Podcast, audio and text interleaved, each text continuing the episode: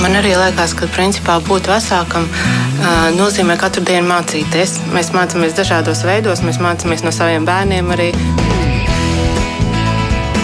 Mēs tiekamies ģimenes studijā.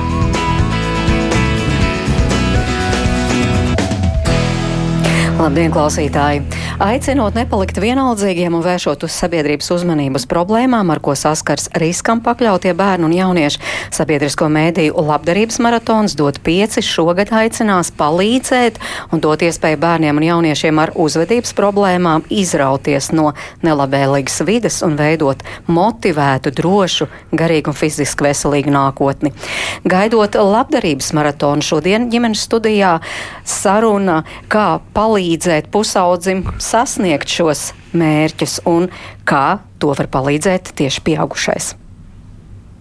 Sabiedrisko mēdīju labdarības maratons dod pieci. Kopš 2014. gada runājam par to, par ko citi klusē. Jā, bet nu tūlīt ne tikai par riskam pakļautajiem bērniem un jauniešiem, par visiem, kuri atrodas starp posmā, starp bērnu un pieaugušā pasauli, meklējot savu identitāti, pārbaudot robežas un attālinoties no vecākiem, kā pieaugušajiem būt līdzās, palīdzot izdzīvot šo sarežģīto dzīves posmu.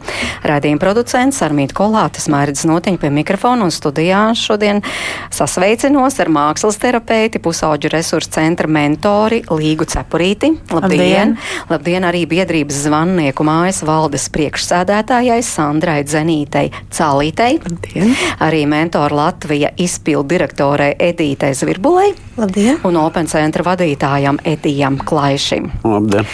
Jā, bet nu vispirms gribu te mazliet eh, pacitēt psihologu un grāmatu autoru Karlu Pikhārdu, un viņš uzrakstījis pazīmes, ko nereti dara pusaudzis. Nu tā, lai jūs ievadītu šajā sarunā, proti sāk kautrēt atšķirties no vecākiem un kļūst mazāk iecietīgs pret fiziskām mīlestības izpausmēm, bieži strīdus un runā, ka tu esi pret viņu negodīgs, nereaģē uz tuvinieku lūgumiem, testē vecākus, kas varētu iziet cauri, sāk sliktāk mācīties un negrib pildīt mājas darbus, kļūst izklaidīgs un ir grūtības koncentrēties, mēdz būt neorganizēts un daudz ko aizmirst, ignorē pienākums mājās, istabā rada lielu nekārtību, pieprasa cienīt savu personisko telpu, ātri zaudē interesi, cenšas dzīvot tā, it kā nebūtu ģimenes loceklis, bet pats par sevi, laiku ar draugiem novērtē vairāk nekā ar tuviniekiem, vairāk norūpējies par to, kā izskatās ilgi pošas pirms iziet no mājām, pieprasa vairāk brīvības, izteikšanās iespējas.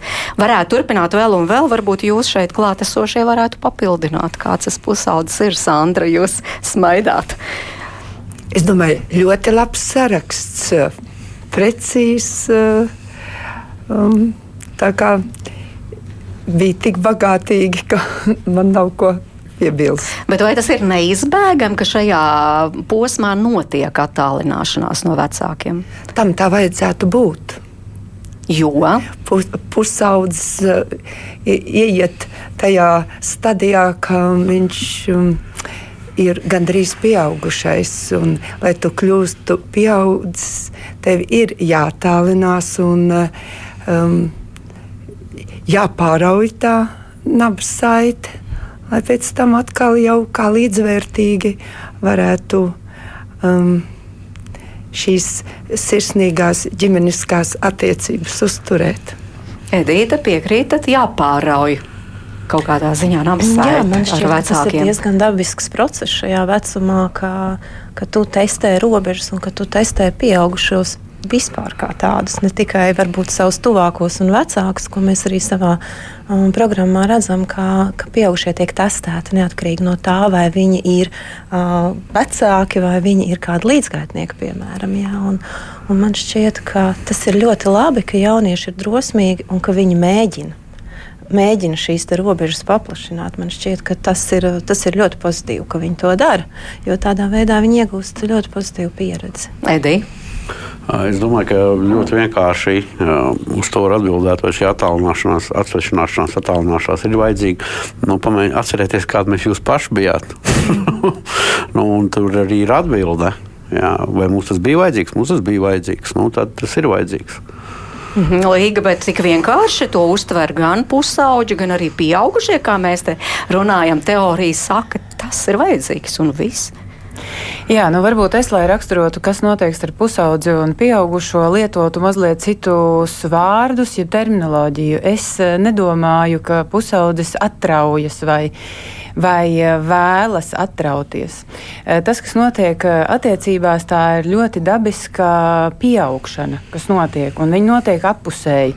Pieaug vecāks, par pieauguša bērna vecāku.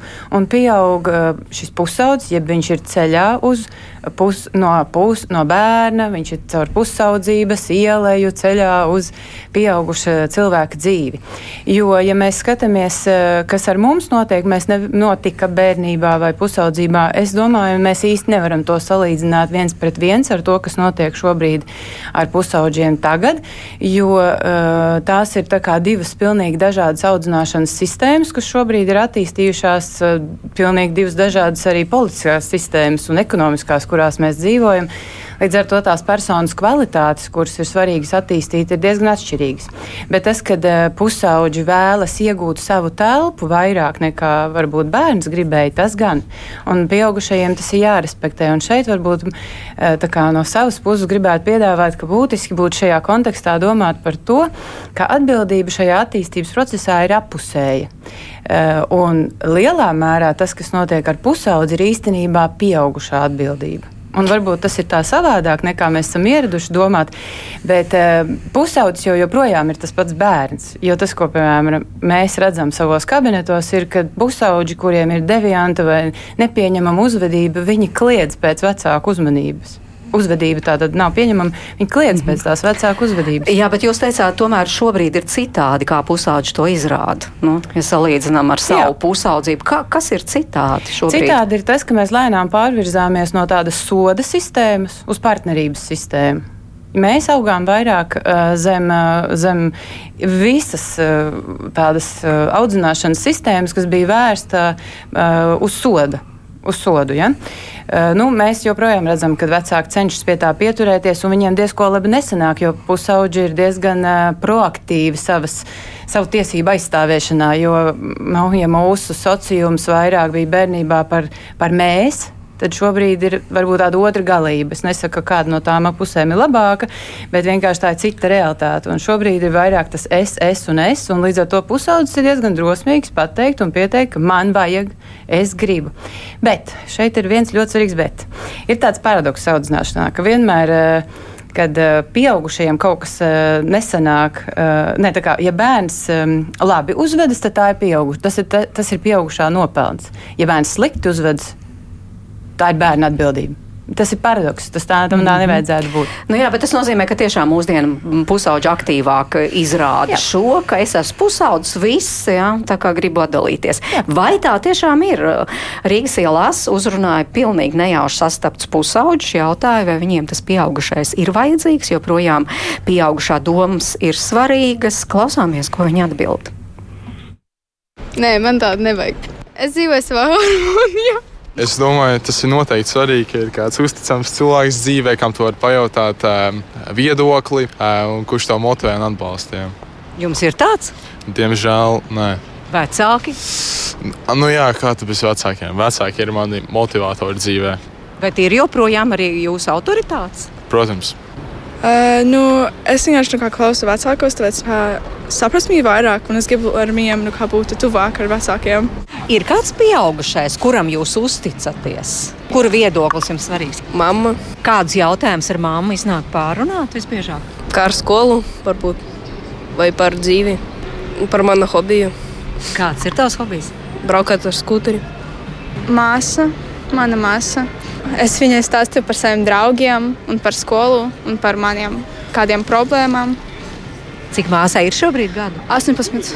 Vai ir kāds pieaugušais, kam jūs, piemēram, uzticaties? Jā, Jā. mana mamma. Mammai. Viss jautājums ar mammu var pārunāt. Jā. Jā. Jā. Nu, tētim netik ļoti. Nu, jā. Vairāk ar māmu. Jā. Bet ir vēl kāds pieaugušais, kura viedoklis jums ir svarīgs, kurā Tēta. jūs ieklausieties? Opim, vecākiem brālim varbūt. Jā, vecākiem māsai. Vai tāda slavena cilvēka viedoklis ir svarīgs, nav svarīgs? Īsti jau nē. Nē, nē es tā neklausos nekādus podkāstus, ko citi runā. Tā kā kaut kādi pieaugušie vai slaveni cilvēki. Nu, bet tomēr sociālajos tīklos tas tāpat ir nu, par daudz ko tur. Nu, jā, bet nu, es tā neņemu vērā. Nav, nav Man tā, ka baigi ieklausās. Jā. Vienkārši izlasa, varbūt pastos, bet tā kā neieklausos. Jo man neinteresē, ko citi saka, vai nu par maniem, vai par citiem. Nu, reizēm es varu ieklausīties, bet nu, es to tā, nu, tā kā, nu, neņemu pie sevis. nu, ja mācības zināt, tad es visu laiku zvanu opim, jo man opis visvairāk saprot no mācībām. Vai tur draugu būšanas, pirmās mīlestības? Nu, es baigi neko nestāstu vecākiem par to. Manā mamma un tēvs un abas lomas ļoti uzsvars, tāpēc, ka viņi man ļoti tuvu cilvēku un rūpēs par mani visu laiku. Un tiešām viss jautājums ar viņiem var pārunāt, jā, ne tikai nu, par mācībām, bet arī. Dažreiz esmu ļoti kautrīgs, piemēram, kad ir saruna par meitenēm, bet tas nekas tāds nav. Nu, jā, apmēram visu var runāt ar vecākiem. Nu, bet tad par tām meitenēm ar ko? Ar draugiem vairāk, nu, savu vecumu bērniem. Draugiem, jauniešiem, jā, tā vairāk. Nu, man ar mammu ir tā, ka kautrīgāk runāt ir par nu, tām attiecībām, bet jā, ar tēti es varu to darīt un ar draugiem. Kā jums? Mm, apmēram līdzīgi, jā, uzticos mammai un tētim vairāk um, par meitenēm. Nu, es ar skāstu vairāk vecākiem, baigi nekautrēs to teikt. Nu, jā, nu, Tā pārsvarā dažreiz draugiem uzticos, un tā pārsvarā, nu, principā ģimenes radiem uzticos. Nu, bet ir arī kā cilvēks, varbūt, kura viedoklis jums ir svarīgs? Piemēram, skolotājs, varbūt treneris. Treneris bija viņa, jā. Futbolā, piemēram, man treneris kaut ko jā, nozīmē. Ar treneru var ne tikai par futbolu runāt. Nu, jā, jā, vispār. Uh, par dzīvi un tā dažreiz aprunāties. Nu, tā pārsvarā. Jā, es eju futbolā un nu, jā, ar treneri it kā arī var tā. Es teiktu, arī tāpat, jā. Nu, bet ir cilvēki, ko es klausos un padomus ņem no viņiem, piemēram, TikTokā un Instagramā. To, jā. nu, dažiem piekrīt, dažiem nepiekrīt. Nu, tur TikTokā dažreiz kaut kādas stulbas padomus, dažreiz ļoti noderīgas. Tāds lūk, pusauģis domas. Starp citu, mani tomēr mazliet pārsteidz, ka gandrīz visi teica. Es nezinu, tā bija vēlama atbilde. Uzticos tur mammai, tētim, opim, omei, brālim, māsai. Es domāju, tā ir viena no automātiskajām atbildēm. Mm, tas ir skaidrs. Bet es gribu pateikt vienu lietu, ko es dzirdēju šajā sižetā, un ko es esmu ļoti, ļoti bieži saku. Nu, un tad tas arī izskanēja no jauniešiem. Um, pieaugušie ļoti bieži pārspīlē sociālo tīklu lomu pusauģu dzīvē. Jo patiesībā šeit ļoti labi parādījās tas, ko es vienmēr esmu teicis. Mūsu laiku pusauģi ar informācijas atsijāšanu tiek daudz labāk galā nekā pieaugušie. Pieaugušie arī visu, re, viņš tur baigi labi pateica, pufelis. Ja, nu, un pieaugušie baigi ir iekoncentrējušies uz to, ka Dievs sociālie tīkli jauniešiem tur ja, nu, tāds ļaunums, tāds ļaunums. Ja. Nu, tur ir arī pietiekami daudz labas lietas, un ļaunais un labais ir visur. Kā es vienmēr smējos, mēs kādreiz gājām 12 puļķīšu spēlēt, un Kazaks Razboņiks tur arī bija gan labais, gan ļaunais. Ja. Tur svaigs gaiss, bet nu, cik laustas rokas un kājas un tā tālāk. Ja. Uh, nu, tas ši, šajos laikos drusku citādāk ir. Bet, uh, Mm -hmm. Jā, es biju izlaists ārā, bet par to sākuma jautājumu. Es domāju, ka tas pirmais māma un teicis, man prieks, ja lielai daļai tas tā ir. Uh, diemžēl būsim reāli. Uh, ļoti daudziem tas tā nav. Uh, un, tā Es pat neteiktu, vai šeit iet runa kā vecāka, kā autoritāte, ka ir tā problēma. Uh, problēma ir tajā, uh, ka nav šī sarunāšanās vispār. Tā ir vislielākā problēma. Uh mhm. -huh. Jo vecāki, uh, vecākiem nav obligāti jābūt autoritātēm. Ja, ja piemēram, ir pilnīgi atšķirīgas intereses un tā tālāk, tad būsim reāli. Viņš nebūs kaut kādā jomā, viņš nebūs autoritāte šis vecāks. Nu, es domāju, ka tā, tur viena daļa bija tāds, tas, tā pirmais bija tāda automātiskā atbilde. nu jā, ir jābūt, nav jābūt vecākiem autoritātei. Nu, tajā mēs dzirdējām, tas tiešām tas reālais pieaugušais ir ļoti svarīgs arī mūsdienu pusauģu dzīvē. Autoritāte, draugs. Ja mēs tagad runājam par tiem, kuriem ir tie vecāki, ar kuriem ne tikai par mācīšanos var runāt un mācībām. Mm -hmm. Jā, nu, um, es domāju, ka. Um, ir ļoti svarīgi tomēr nošķirt vecāku lomu no draugu lomas. Tāpēc, ka, drau, kā arī paši pusauģi šajā uh, ierakstā atbildēja, man ir draugi, man ir vecāki. Tad vecāki nav tas pats, kas draugi. Un tas ir arī ļoti nozīmīgi priekš tās atdalīšanās, jeb tās pieaugšanas. Tie draugi ir tie, kurus, kā tajā jokā, ja es izvēlos, ja, un tā ģimene ir tā, ko es neizvēlos. Un tās ir divas dažādas attīstības jomas arī mūsu personībai. Viena ir tie, kur es varu izvēlēties pēc sirds patiks, un tad es tā iekļaušanās notiks vienā veidā, bet ar otriem iekļaušanās un, un, un izaugsme būs citādāka. Um, bet atbildot uz jautājumu, mm, vai tās bija automātiskās atbildes, vai, uh, vai tiešām tas ir tik būtiski, vai tā jābūt autoritātei. Jā, bet jau, jā, vecākam ir jābūt autoritātei bērnu dzīvē, bet jautājums, ko mēs saprotam, uh, jeb ar kādām kvalitātēm mēs raksturojam autoritāti. Autoritāte noteikti nevarētu būt despots, kurš pieprasa tikai un vienīgi savu uh, patiesību. Autoritāte mūsdienu pusaudzim, uh, bet pa, būsim godīgi, es domāju, mēs katrs arī pēc tā ilgojāmies, neatkarīgi no tā, vai tas ir šodien vai tas bija pagātnē, ka mani sadzird, mani pieņem izšķiroši ar mani pavada laiku, manī klausās un, eh, un arī ar mani runā un pastāsta par savu dzīvi. Eh, tātad tas autentiskums, eh, vēl tādas varbūt divas kvalitātes, kad vecākam ir jābūt tā, tādam, kurš ir spējīgs dzīvot savu dzīvi, nevis dzīvo nepārtraukti bērna dzīvi. Ba, bieži pusauģus kaitina tas, ka vecāki ir vāji. Piemēram, es nestāstīšu mammai neko, jo viņa tūlīt apraudāsies, viņa tūlīt sacels traci jā, un aizskries uz skolu. Viss, es nestāstu vairāk mammai neko, jo man ir jātiek galā ar mammas emocijām. Tātad eh, bērni sagaida, ka mēs, pieaugušie, augsim kopā ar viņiem. Jā, katrs vecuma posms nesīs savus izaicinājumus, un mums ir jāmācās un jāpilnveidojās nepārtraukti katru dienu. Tad, kad ir zīdains, mums jāzina, kā pārtīt eh, autiņus vienā veidā, un tad, kad ir pusaudzis, eh, kā viens mans kolēģis kādreiz humoristiski teica, ir, ir jāmaina citi pamperi. Jā, nu, piemēram, arī tādas citas sarunas, bet, ja mēs par sarunām, tad mēs dzirdējām no pusauģiem par mācībām. Jā, tur ļoti vienkārši sarunāties, bet, piemēram, par attiecībām, par pirmo mīlestību, nu, tur jau daudz sāk šaubīties. Tur var būt labāk ar draugiem, Sandra. Tā kā man ir daudz, daudz bērnu, tad jāsaka tā, ka pusauģi ir ļoti dažādi.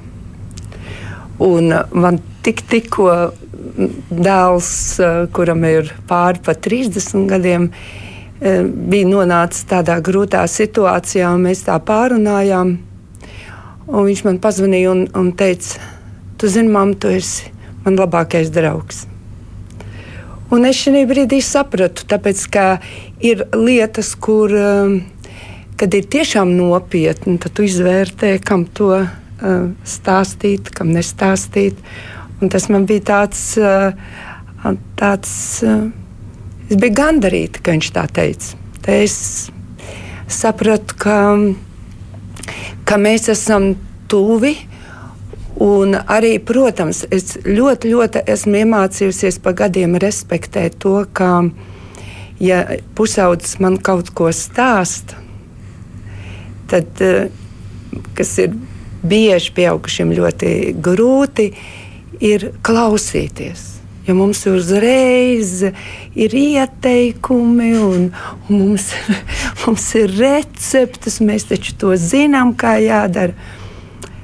Un tad man tas ir ļoti grūti nācis, ka es sev tā savaldu un, piedomāju, šis ir klausīšanās laiks. Un ja to mēs eksāmenu izturam, ka var mierīgi klausīties, nevis krist histērijā, vai pārmetumos, vai, vai, vai kaut kādas tur ātrās idejas, skriet uz skolu, vai sazināties ar draugu vecākiem, vai zini, ja, ja tu tos ap, apturi. Tu kļūsti, jā, tas, kas ir autoritāte, tas, tas ir atsevišķi tēma, bet uh, cilvēks, kuram tu vari uzticēties, ja, tāds tu, tāds tu būsi. Un, protams, ir atkal ir ļoti, ļoti introverti jaunieši, kas lietas procesē visu iekšpusē, bet tad kaut kādā brīdī tu no rīta piecelies un, un, un dēls sēž krēslā. Un, es saku, ko tu tik agri? Viņš saka, es gribēju parunāt. Nu, mm -hmm. Tas ir tas laiks, kuru, kas ir ļoti dārgs šī brīdī. Jā. Edija, kā vēl būtu jāmainās tām sarunām, kad tiešām vecāki vairs nesarunājas ar bērnu, bet sarunājas jau ar pusaudzi. Jo reizēm tiešām ir grūti vecākiem augt līdzi par to, ko Līga runāja. Kaut kā viņi tā kā iepaliek tajā. Es, man ļoti grūti spriest, kādiem būtu jābūt vecākiem. Nekad neesmu slēpis, ka ne, es pats biju tas labākais vecāks ar savu brīnišķīgo dzīvesveidu. Bet, um, Es varu pateikt, Bet nu, jūs šobrīd esat pieaugušais, ar kuru es pieņemu tiešām pusauģu sarunājas un varbūt uztic arī tādas sarunājas, bet slēptākas es, es lietas. ļoti ceru, ka nu, to es arī viņiem esmu teicis, man nevajag ņemt pa paraugu un pa piemēru un arī par autoritāti. bet es gribu pateikt to, ko es uzskatu, kas ir, kas ir ļoti liela, manuprāt, ļoti liela problēma, kāpēc jaunieši ļoti daudz ko. Es runāju par šo laiku, nevis par laiku, kad mēs augām, bet par šo laiku. Kāpēc jaunieši ļoti daudz ko neuztic? Uh, nu, būsim reāli, šī ir ļoti izteikta emocija paudze. Un paskatāmies apkārt, kā pieaugušie komunicē savā starpā. Un tas ir īstenībā biedējoši. Un šeit, ja mēs runājam par autoritātēm, pasakiet man, atbildiet man vienu, nosauciet man vienu iemeslu, kāpēc viņš gribētu, lai pieaugušais, kurš staigā visus lamādams, visus gānīdams un tā tālāk, kāpēc viņš gribētu, ka viņam ir tāda autoritāte. Un tieši tāpēc viņiem ir šī pieeja, ļoti daudz informācijas, viņi uztver kā fufeli. Ja? Un, mums šīs sarunas ar jauniešiem centros ir bijušas patiesībā. Patiesībā ļoti, nu, ļoti da daudz viņi paši ir uzsākuši šīs sarunas ja, par, par to, kā pieaugušie savā starpā runā. Jā. Un tāpēc es vienmēr esmu teicis, es zinu, ka daudziem tas nepatīk, ka es šo saku pieaugušajiem, bet es to arī saku. Es saku, nu, par kādu mobbingu jūs runājat? Es saku, jūs paskatieties uz sevi. Jūs viens otru lamājat, jūs viens otru gānat. To politiķu vajag nošaut, to vajag kaimiņu vajag nosist. Tas izskatās tā, tas izskatās šitā. Saku, kāpēc tu domā, ka viņš nevar aiziet uz skolu un izdarīt tieši to pašu? Jo jūs taču esat tie, jūs pieaugušie esat tie, kas priekšā pakaļā kladzina to, mēs zinām, kā vajag. Lai cik viņus puraini nebūtu, kaut kādas lietas viņi no mums paņem. Un, diemžēl viena daļa paņem arī šīs lietas, šo gānīšanos, šo lamāšanos, šo iesišanu un tā tālāk. Un, un ir jāsāk ar to, mums ir jāsāk ar sevi. Ja mēs gribam, lai mums kāds uzticās, nu mums ir, mums ir jāmainās. Un tā lielākā pat es vienmēr to esmu teicis, zinu, šis pieaugušiem nepatīk. Es to vienmēr esmu teicis, problēma nav pusauģos, problēma ir mūsos. Mūsos, kas nespēja tikt līdz šim laikam, mūsos, kas nespēja pieņemt jaunos spēles noteikumus, šie pusauģi ar šo laiku tiek galā daudz labāk nekā mēs. Ja, protams, ir izņēmumi, ja, bet. Uh, ja mēs paklausāmies, kādas ir viņus, viņu sarunas savstarpējās šī vecumā, jā, nu, viņi ir daudz pieaugušāki par mums tajā vecumā. Un, tāpēc mums ir, ja mēs gribam kādam būt autoritāte, mums ir jārāda piemērs. Un, diemžēl mēs to piemēru rādām diezgan drausmīgu. Atveriet sociālos tīklus. Ja? Nu, pilnīgi katru dienu Twitterī ik pa pāris stundām ieejot, ir jaunas kaut kādas cūcības. Ja? Mm -hmm. Kāds atkal kam uzbrukt, vai ne? Jā, Edvīte, jā. jā es uh, pilnīgi piekrītu kolēģiem uh, par visu, par visu teikto. Man ļoti aizķērās viena jaunieša teiktais, uh, ko, kurus jūs intervējāt ielās, un viņš teica, ka es varu uzticēties un mani mājās sadzird, es varu sarunāties. Un man šķiet, ka tā ir atslēga. Jebkura cilvēka attiecībās, nerunājot par to, vai tas ir pat pieaugušais vai bērns, vai tas ir bērns ar labvēlīgiem ģimenes apstākļiem vai nē, bet atslēga patiešām ir tajā, ka tu esi sadzirdēts.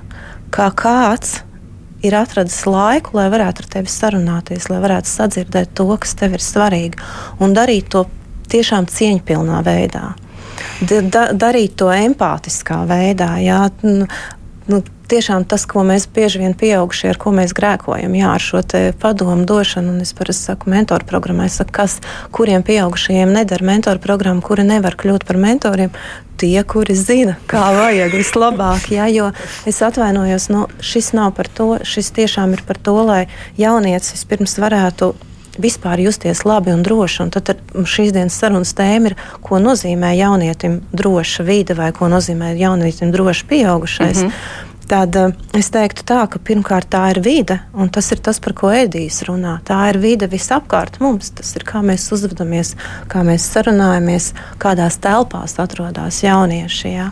Uh, tās ir psihoemocionālās attiecības, ko mēs kā pieaugušie nodrošinām šiem jauniešiem, ja? ko mēs radām tā vide, kur mēs radām mm. apkārt. Un tālāk, jau, un tālāk jau, ja mēs nodrošinām šos apstākļus, tad, mēs, no, tad jaunietim ir šī iespēja sarunāties, uzticēties, ko mēs arī dzirdējām, ko jaunieši arī teica, kas viņiem ir vissvarīgākais. Bet varbūt ne tikai sarunāties, varbūt arī rīcība, pieaugušo rīcība var būt tāda, kas tā padara nu, lielāku to, to attālumu starp pusaudzu un pieaugušo. Nu, piemēram, es iedomājos tagad, nu, tur. Uh, baidoties, ka tur kaut kas aizliegts, piemēram, mīļotā dēla vai meitas somā, piemēram, pārmeklēt bez bērnziņas. Vai, nu, es tagad es nezinu, iet, iet pusauģu istabā un teikt, kāda tev te nekārtība, piemēram. Mhm. Rīcība arī ir svarīga. Līga. Viennozīmīgi. Um, atcerēsimies, ka uh, bērni, uh, tā skaitā arī pusauģi, um, salīdzinoši tā viņu smadzeņu attīstība ir uh, tāda īpatnēja ar to, ka viņi salīdzinoši maz dzird saturu. Bet ļoti daudz redz un atpazīst uh, neverbālo, jeb intonatīvo, piemēram, mūsu balsī, uzvedībā, to, kāda mūsu sejas izteiksme, kā mēs rīkojamies, kāda ir mūsu ķermeņa valoda. Nemaz nerunājot par jūsu pieminēto, tik, tikko uh, iet uh, rakāties pa somu vai vēl kaut ko tamlīdzīgu, lai kādi tur būtu tie iemesli, tā ir robežu pārkāpšana. Un mēs pieprasām, lai bērni, nu, šajā gadījumā pusauģi, ievēro robežas. Nu, un, uh, tad atcaucoties jau uz kolēģi teikto, uh, kā mēs varam pieprasīt, lai viņi ievēro robežas, ja mēs paši šīs robežas neievērojam. Bet, kas attiecas uz uzvedības modulēšanu, tad jā, tā ir pieaugušo atbildība. Bet es varbūt vēlētos mazliet tādā. Um, pozitīvākā gultnē to teikt, ka uh, jā, tas ir ārkārtīgi um, sarežģīti un arī pusauģu resursu centrā, tāpēc mums ir ļoti daudz darba, tāpēc, ka ļoti daudz vecāki neizdara savu darbu, bet ne tikai vecāki, arī pieaugušie skolu vidē, viņi vienkārši neizdara savu darbu. Tas ir, viņi neveido un nemodelē veselīgas attiecības ar, ar pusaudzi. Uh, pusaudzis īstenībā uh, viņš nevar tikt vainots par to, ka viņš uzvedās šādi. Kā mēs dzirdējām iepriekš sarunā, viņš um, kopē to, ko viņš redz sev visapkārt. Un tas notiek uh, gada vecumā, tas notiek divu gadu, trīs, 5, 7, 15, 17. Viņš uh, uzsūc vai viņa apkārtējo pasauli, jo tā ir dabiska, bioloģiski nosacīta cilvēka attīstība. Mēs uzsūcam apkārt notiekošo sevi. Mēs laižam to caur kaut kādu savu filtru un atcerēsimies, ka pusauģu vecums ir tāds 50 uz 50. Eh, viņā, viņos dominē emocijas un jūtas un uh, kognitīvā, jeb šī domāšanas jau tāda noslīpētā spēja nu, izteikt savu viedokli. Bet viņi visi funkcionē tomēr eh, atšķirībā no mums pieaugušajiem. Viņi funkcionē uh, ļoti reaktīvi. Nu, tas ir tas, ja teiksim, mēs varētu apspiest savas emocijas kādā brīdī, nu, piemēram, šeit, eh, šajā pārraidē, ja mēs kaut kā varam kaut kā sevi uh, atbilstoši sociālajai videi ierobežot, ja, bet mēs varētu arī iet pa gaisu. Ja, tad pusaudzis viņš būs vienāds visur, plus mīnus, nu, izņemot apstākļos, kur tā tad būs šis uh, pieaugušais ar ļoti neadekvātu uzvedību, kas viņu apdraud jau, un, un tā bērna psihe ir tik jūtīga, ka viņam nevajag, lai obligāti uz viņu kliedz. Vai lai viņam sit, uh, viņš ir daudz jūtīgāks, viņi sāk kļūt teiksim, bailīgi, vai dusmīgi, vai uh, kaut ko noklusēt. Uh, krietni pirms tā brīža, kad pieaugušais patiešām pamana savas uzvedības sekas, apmēram septiņus gadus pirms. Un tad, teiksim, ir svarīgi domāt par to nevis, kas tikai notiek šodien, šeit un tagad, bet mazliet pastīties atpakaļ to bērnu attīstības vēsturi.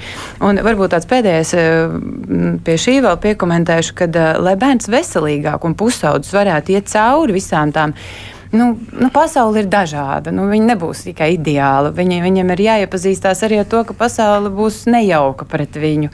Bet, lai viņš varētu iet cauri tam visam, viņam ir ļoti svarīgi mācīt to adaptēšanos, elastību. Tas būs ļoti svarīgs un atkarīgs no tā, kādi pieaugušie būs viņam apkārt. Kā viņš redzēs, vai pieaugušie ir spējīgi tikai, kā mēs runājām, nolamāt kādu, ja, kad viņi netiek galā ar situāciju, vai viņi būs spējīgi situāciju, piemēram, risināt. Jā, bet te jau ieskanējās, bet kas tās situācijas, kad pieaugušā ir par daudz pusauģu dzīvē? Tieši pusauģu dzīvē. Nu, par daudz tās nu, rūpes mm, un viss. Komentējot to, ko es tikko teicu, tas man, no manas puses būs tas, kad, eh, kad pieaugušais pārkāpj robežas. Mm -hmm. Paldies arī klausītājiem, kas iesaistās. Tiešām laipni aicināti rakstīt arī jūsu komentārus. No Agnes, piemēram, mums raksta, kas ir vecāka galvenais uzdevums - sagatavot bērnu dzīvei. Tur jau tā lieta, ka pusaudzim, protams, šķiet, ka viņš visu zina un saprot labāk, bet nu nesaprot jau. Kā labi teica man paziņa par savu 15-gadīgo meitu, brīžiem skatos un redzu, jā, meita jau pilnīgi pieaugus, bet tad pēkšņi pasaka vai izdara kaut ko tādu, kas saprotu, jā, vēl bērns. Nu, ilustrācija tikai tam, ko mēs teicām, vai ne? Daļai ar vienu kāju jau uh, vēl bērnībā, ar otru jau tajā mm, pieaugušo pasaulē. Tas ir ar vienu kāju bērnībā. Un, uh, diemžēl, uh, bet uh, nu, šī ir ļoti labs piemērs. Uh, Reku, viņi ir ok, bet Jā, nu, tad, tad, bet viņai ir bet. Jā, nu, mums ļoti patīk aizrādīt citiem. Mums ļoti patīk iebakstīt, bet mēs neredzam, ko mēs paši darām. Es atgādināšu mūsu klausītājiem, tātad šodien pie mums ģimenes studijā ir mākslas terapeite Līga Cepurīta, biedrības zvannieku māja, valdes priekšsādātāja Sandra Dzenīta Cālīta, Open centra vadītājs Edijs Klaišs un mentora Latvija izpildu direktora Edīte Zvirbula. Mēs par pusauģiem, protams, par tiem, kuriem ir tie vecāki, kuriem var uzticēties, bet, nu, pietiekam daudz ir Latvija, Latvijā pusauģu, nu, kā mēs te dzirdējām, kuriem ir vecāki, bet kuriem varbūt nav tūs attiecības ar vecākiem vai kuriem vispār vispār ir tādi vecāki, nu, ar kuriem vienkārši tīri objektīvu iemeslu dēļ uh, nav iespējams tādas cieņpilnas un drošas, kā jūs stāstāt, veidot. Kas šādam pusaudzim ir drošs pieaugušais? Kādu viņam, kādam būtu jābūt viņam līdzās? Es domāju, šobrīd ir ļoti daudz nedrošu pieaugušie apkārt. Un te kaut kur sākumā mēs pieskārāmies tēmai pareizās ģimenēs. Ja. Un, Diemžēl es uzskatu, ka mēs ļoti augstu cenu par to maksāsim. Mēs runājam par kā, kādiem ir jābūt pieaugušiem un tā tālāk. Bet šobrīd tāds laiks, kad pieaugušie vairāk būsim reāli domā par sevi. Un, diemžēl ir ļoti daudz pusauģi, kur nesaņem profesionāļu palīdzību, kuriem viņi būtu nepieciešama. Un tas iemesls ir īstenībā nožēlojams. Tas ir, ir stāsts par šīm, to es saku pēdiņās, pareizajām ģimenēm, kuras ir radījušas par sevi kaut kādu tēlu. Un, kuras neļauj pusaudzim vērsties pēc profesionālas palīdzības pie psihologa un tā tālāk. Jo kādam pēkšņi var saļodzīties šis priekšstats par šo ģimeni. Un patiesībā vismaz tās situācijas, ar kurām mēs esam saskārušies, ir prātam neaptveramas. Un, uh, tas ir patiesībā drausmīgi, kad vecāki ir gatavi maksāt tādu cenu uh, par. Uh, par savu tēlu un savu statusu saglabāšanu. Ja, viņš jūtas apdraudēts un viņš baidās uh, laist savu pusaudzi, vērsties pēc palīdzības. Un, uh, Diem, mums ir vairāki tādi pusi, nu, tur jau ir 18 gadi viņiem, jā, kur īstenībā. Es esmu optimists visā, bet, diemžēl, tur ir stāv priekšā ļoti ilgs darbs. Viņiem ne, nu, tur ir tādas traumas, un tur neiet runa tikai par psiholoģiskām traumām. Tur ir sabeigtas veselības fiziski, jā, kam būs ļoti, ļoti ilgas, nu, ar sekām būs ļoti, ļoti ilgi jācīnās. Ja? Par kādām autoritātēm mēs varam runāt. Un, par kādām cieņpilnām attiecībām ar pieaugušajiem. Un, ja šis pusaudzis šādu attieksmi ir saņēmis mājā, diemžēl viņš vispār uz pieaugušajiem skatās ar ļoti, ļoti lielām aizdomām. Un uh, neticību. Mm -hmm. nu, jā, nu, tie ir, protams, speciālisti, kas var palīdzēt, protams. bet uh, nevienmēr tas drošs pieaugušais jau nav tikai speciālists. Tur psihologs vai vēl kāds, nu, piemēram, Edija, jūs, jūs neesat ne, ne psihologs, ne sociālais darbinieks, bet, nezinu, bet man, jūs droši vien esat drošs pieaugušais, kurš varbūt blakus pusaudzim. Es vienmēr esmu teicis, es nestrādāju ar pusaudziem, mēs radām viņiem vietas, kur viņi var strādāt ar sevi. Ja? Jā, viņiem ir nepieciešams, ja viņi izrāda vēlmi, viņi var tikt pie speciālistiem, atkarības speciālistu, psihologu un tā tālāk. Bet uh, mēs viņiem radām, jo tā mūsu, uh, speci, nu, tā mūsu, šis ir tik slideni atbildēt uz šo, tā mūsu mērķa auditorija, pamatā ir tie kuriem savā vecumā ir jārūpējas par lietām, par kurām nu, bērniem nebūtu jārūpējas. Jā, par ēdienu, par apģērbu, par veselības aprūpi jā, un tā tālāk. Bet par jums viņi jums uzticas? Viņiem ir jāatnāk, viņiem ir jāuzticas, ka jūs to visu nodrošināsiet. Nu, kaut kādu laiku viņi arī man neusticās. Kad viņi sāk uzticēties? Es kā nezinu, jūs kad... panākat to uzticību? Es, es neteikšu, ka es kaut kā cenšos kaut ko panākt. Man, es vienmēr esmu uzstājis uz to, ka es neesmu tas cilvēks, kuram ir tiesības vispār vērt mutu vaļā un kādam dot padomus. Uh, jo Mana tā galvenā pieeja ir, es nenosodu nevienu, jo es jums pateikšu godīgi, es, šio, es to par to biju arī publikāciju. Es šajos, mums nav tiesību nosodīt pilnīgi nevienu par viņa rīcību un par viņa izvēlēm. Es šo trīs gadu laikā esmu iepazinies ar vairākiem jauniešiem, kuri ir bijuši ieslodzījumi vietās, sākot ar vieglākiem noziegumiem, beidzot ar ļoti, ļoti smagiem noziegumiem. Un tad, kad ir pagājis, es nevienam neesmu nekad prasījis un neesmu interesējies skatīties, kas tur ir noticis un tā tālāk. Bet pēc kaut kāda laika viņi ir paši pastāstījuši. Es pateikšu godīgi, uzzinot to priekšvēsturi šiem noziegumiem, ir, ir ļoti grūti aptvert, kā pusaudzis vispār ir ar to spējis kaut kādu laiku vispār sadzīvot. Un man pilnīgi vienmēr, pilnīgi vienmēr ir nācies sev atzīt, ka es šī pusaudža vietā būtu rīkojies tāpat, un noteikti, ka es pat nebūtu izturējis tik ilgi. Mm -hmm. Jā, Sandra. Nu, Zvannieku mājas arī daudziem pusauģiem, varbūt tādiem pusauģiem, kuriem nu, tā īsti to vecāku nav. Ir, ir mājas, ir. Es domāju, ka um, mēs jau te jokojām pirms raidījuma, ja, ka viens no kritērijiem, lai jaunietis pusaudzis uzticētos, ir E, ka tu spēj viņu neapkaunot. Ka tu, kā kolēģi saka, zini savus robežas. Un varbūt tos jociņus un, un, un, un tādas e, visādas izgājienus savus, e, ko tu esi varējis atļauties, kad, kad bērns bija bērngārzā. Vairs tādiem, vārdu sakot, saprast, uh, izaugt, pieaugt, ka tavs jaunietis ļoti.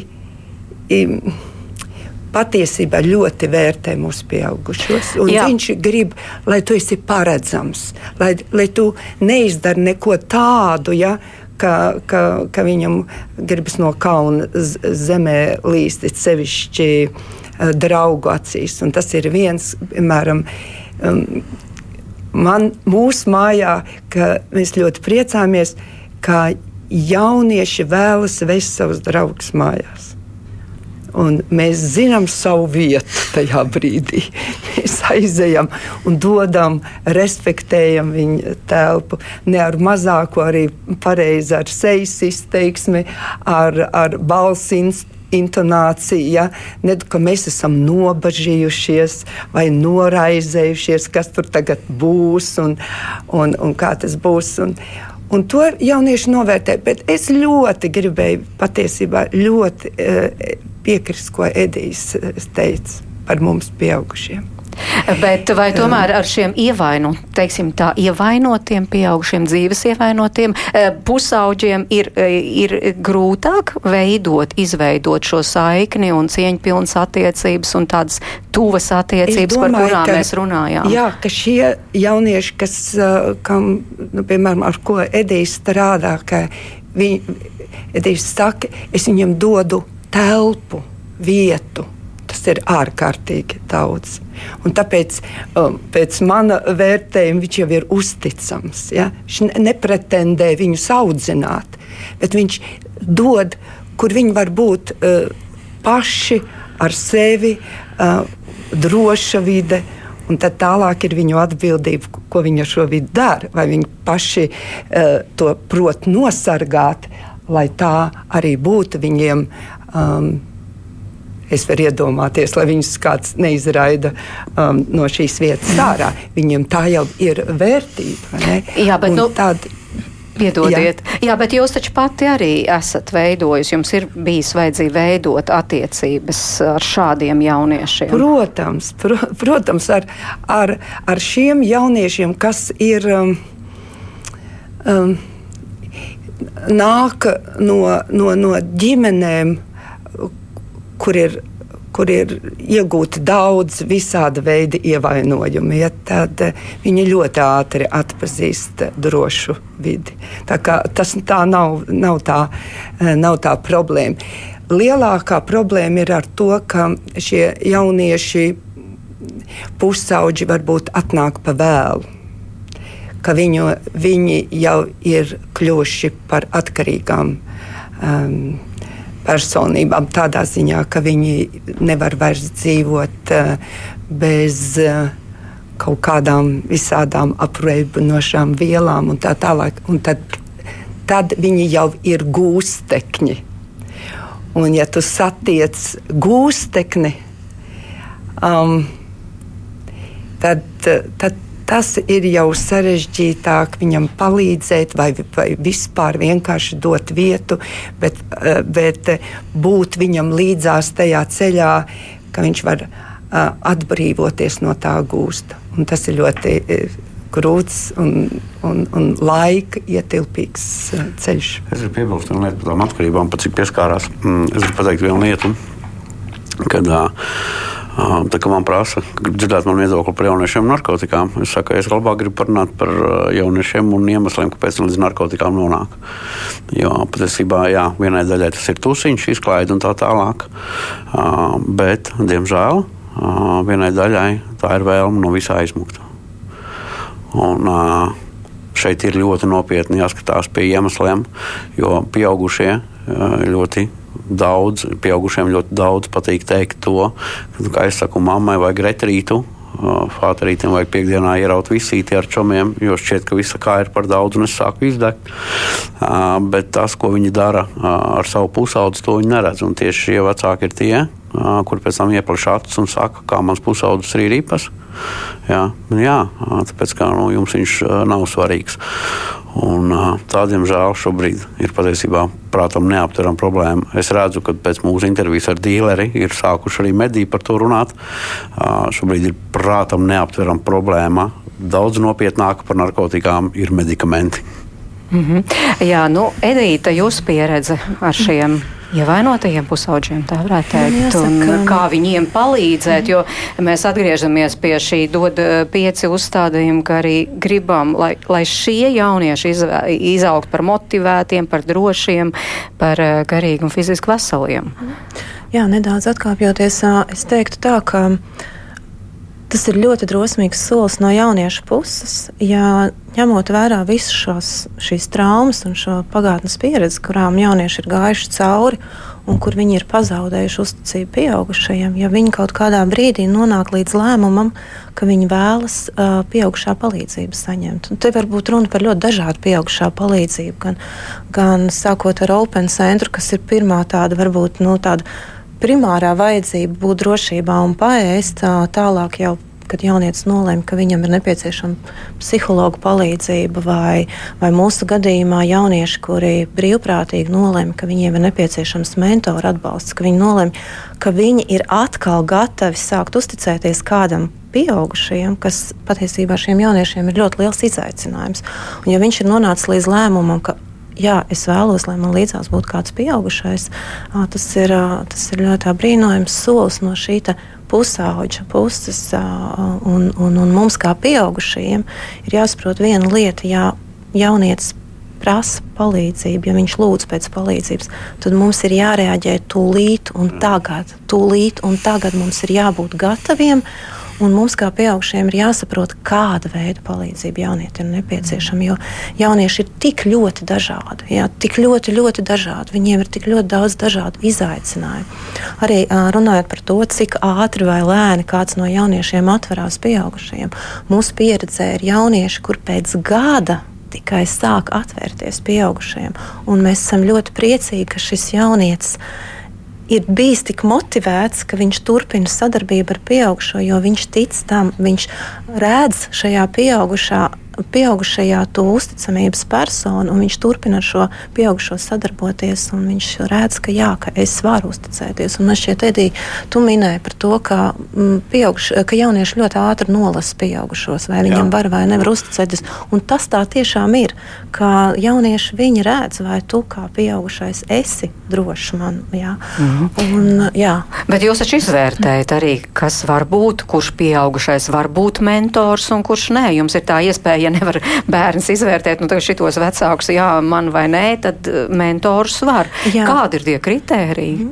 Mm. Um, šis te atlases process, es teiktu, ir diezgan garš un varētu teikt savā ziņā varbūt arī komplicēts, jo um, šeit ir vairākas pakāpes, kā mēs atlasām mentors. Pirmais, solis ir, ka mentori aizpild pieteikumu anketu, un pēc tam jau uh, speciālisti vada intervijas ar šiem pieaugušajiem, lai saprastu, vai šie pieaugušie būs spējīgi ilgtermiņā atbalstīt šo jaunieti. Un šeit es vēlos lielu uzsvaru likt uz ilgtermiņu, tādēļ, ka šie jaunieši ir pietiekami daudz savā dzīvē jau saņēmuši vilšanos no pieaugušajiem.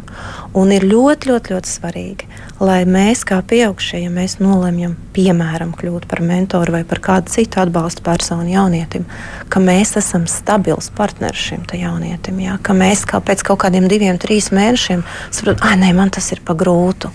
Un tad iznāk tā, ka jauniešu dzīvē atkal ir ienācis kāds pieaugušais, kuram atkal nevar uzticēties, jo pieaugušiem ir kļuvis par grūtu. Tādēļ, tādēļ mēs cenšamies šo atlases procesu veikt tādu ļoti nopietnu, un pēc tam pēc šī atlases procesa, procesa ir uh, sagatavošanās, mācību process, kurā mentors iziet daudz dažādiem, um, dažādām situāciju analīzēm cauri, lai saprastu, vai viņš vispār varētu Un tikai pēc tam mentors un arī mēs, kā organizācija, pasakām, vai šis pieaugušais ir, varētu kļūt par mentoru. Mm, bet tad... ir, ir kādi daži vismaz tie kritēriji, kādam tam pieaugušajam jābūt?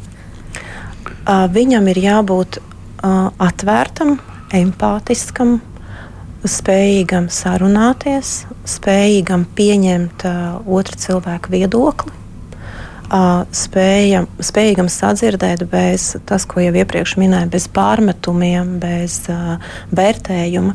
Jo brīvprātīgie mentori ir ļoti dažādi, no dažādām profesijām, no dažādām profesionālajām vidēm, ļoti augsti motivēti pieaugušie. Tādi, kur ir nolēmuši, jā, es vēlos veltīt gadu vai ilgāku laiku posmu, lai atbalstītu kādu jaunieti. Es tieši tāpat nonācu organizācijā pirms vairākiem gadiem, jo man dzīvē bija posms, kad es sapratu, ka es vēlos dalīties ar savām zināšanām, ar savu pieredzi, un ka es vēlos dot kādam ļoti konkrētam cilvēkam atbalstu. Man šī programma tādēļ ļoti uzrunāja. Un tad vēl papildu tam mentori arī saņem atbalstu atbalsta grupās, kas viņiem ir obligātas, uz kurām viņiem ir jāierodās, tās ir speciālista vadītas grupas, kurās mentori var gan izrunāt savas situācijas, gan arī saņemt atbildes uz jautājumiem, kādēļ pusaudzis tā rīkojās vai kā man šajā situācijā rīkoties. Līga, vai varētu teikt, ka tas bija tas ideālais pieaugušais, kuru tikko raksturoja, nu, kādus prasības mentoriem uzstāda, kurš, kurš tiešām var būt līdzās pusaudzim un var arī palīdzēt. izaugt. Jā, nu, attiecībā uz mentora pozīciju cilvēka dzīvē tā noteikti bija ļoti laba, laba, labi aprakstīta arī gan tā sagatavošanās un programma, gan arī tā līdzgaitniecība arī pašam mentoram pēc tam. Tas ir ļoti izšķiroši. Bet es varbūt nevēlētos komentēt, kas ir tas ideālais, jo, manuprāt, tāda ideālā nemaz nav. Mēs visi vienkārši esam cilvēki, un jo cilvēcīgāki uh, mēs esam, jo spējīgāki mēs esam atzīt gan savas kļūdas, gan arī pamanīt savus panākumus. Un, ja mēs to spējam pamanīt sevī, tad mēs to spēsim pamanīt un iedot arī tam pusaudzim. Um, jo tā interesanti, es klausoties, pakavējos tādās pārdomās par to, nu, ka neviens vecāks, kurš mūs šobrīd klausās, jau tad, kad ieraudzīja to vai nu to skrīningu, ka viņam būs bērniņš vai viņai būs bērniņš viņiem, vai, vai tad, kad ieraudzīja viņu pirmo reizi paņēma rokās pēc dzemdībām vai varbūt pēc adopcijas. Satika, nu, nedomāja tajā pirmajā brīdī, kāds es būšu neizdevies vecāks. Neviens to tā nedomā, vai kāds es esmu nelietis. Jā, vai kāpēc man nav iziet kaut kāda eksaminācija kā vecākam? Tāpēc, kad cilvēka bioloģija nosaka to, ka mēs esam zīdītāji. Un, ja mēs esam zīdītāji, mums ir pēcnācēji. Un, ja mums ir pēcnācēji, mēs uzņemamies par viņiem atbildību, jo mūsu pēcnācēji pēc uh, funkcionēšanas ir uh, atkarīgi no mums apmēram līdz 25 gadu vecumam, ja viss būs bijis daudz maz nu, daudz maz normāli. Ja? Tad eh, apmēram 25 gadu vecumā šobrīd tie, tie jaunie neirzinātnes atklājumi saka, ka tās smadzeņu struktūras būs nobriedušas līdz pieaugušā spējai domāt, un tad viņš varēs uzrakstīt mums vēstuli un pateikt paldies ka tu biji man blakus, nejaucies manās lietās, bet tad, kad es runāju, uzklausīju un varbūt atspoguļoju, ko tu dzirdi, sapratu, šī ir tāda svarīga piezīme.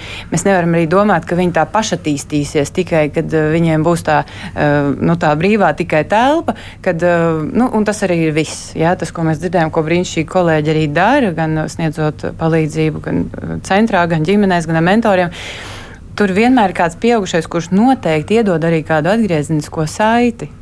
Tā nav tā pati mācīšana. Dari tā, dari šitā. Nē, es dzirdu, ka tu dari, kad ar tevi notiek šis interesants, kas tev varētu būt palīdzoši, ja, kā es varētu iestāties par tevi. Un te man liekas, mūsdienās diezgan pārmodelējis un pārstruktūrējis tas, ko mēs saprotam un cerams sapratīsim ar pieaugušo kā autoritāti bērnu dzīvē, un tas ir, kad mēs esam līdzgaitnieki. Mēs reizē esam kaut kas pēc kā tiekties, un reizē esam kaut kas, kas ir līdzās. Un atgādinu vēlreiz, mums ir jābūt cilvēkiem. Joprojām cilvēkiem, nevis kaut kādām marionetēm, kuras tikai rausta un, un, un tā. Bet vienu vien piebildu gribēju šeit dot. Manuprāt, šobrīd arī mm, kaut kāds brīnišķīgi ir sakritis tas laiks. Pēdējo trīs mēnešu laikā izdevniecības ir izdevušas ļoti daudz grāmatas vecākiem par pusauģiem. Un tiešām ļoti labas kvalitātes. Es ļoti iesaku visiem vecākiem kaut vienu no viņām iegādāties, pašķirstīt, un jūs ļoti normalizēsieties tās lasot. Paldies! Paldies, paldies par šo sarunu. Es saku Līgai Cepurītē, Sandrai Zenītei, Cālītē, Edijam, Edijam Klaišim un Edītai Zvirbulei. Man pašai sajūta, mēs tikko sākām. Mums jau jābeidz, bet sarunas par pusauģiem noteikti vēl turpināsies. Eh, gaidot šo labdarības maratonu dodu pieci. Eh, Radījuma producents Armīta Kolāta, Katrīna Bramberga un Toms Šits bija pie un es mērķis notiņu pie mikrofona. Aicina man kolēģe Agnes Linkus tikšanos arī rīt. Rīt eh, būs tā ģimeņu diena, kā katru reizi ģimeņu studijā piekdienās, un, un uh, satiksimies ar Elīnu Kolāti un viņas vīru Andriju Tihomīrovu, kuri audzina piecgadnieku, un viņi stāstīs par sadzīvisku ilgtspēju kāzām, kurās gredzens jaunajam pārim apliek ap potīt, un to, kā izdzīvot, ja mājās ir šahists. Klausieties rīt, un paldies, ka klausieties šo šodien. Visu labu!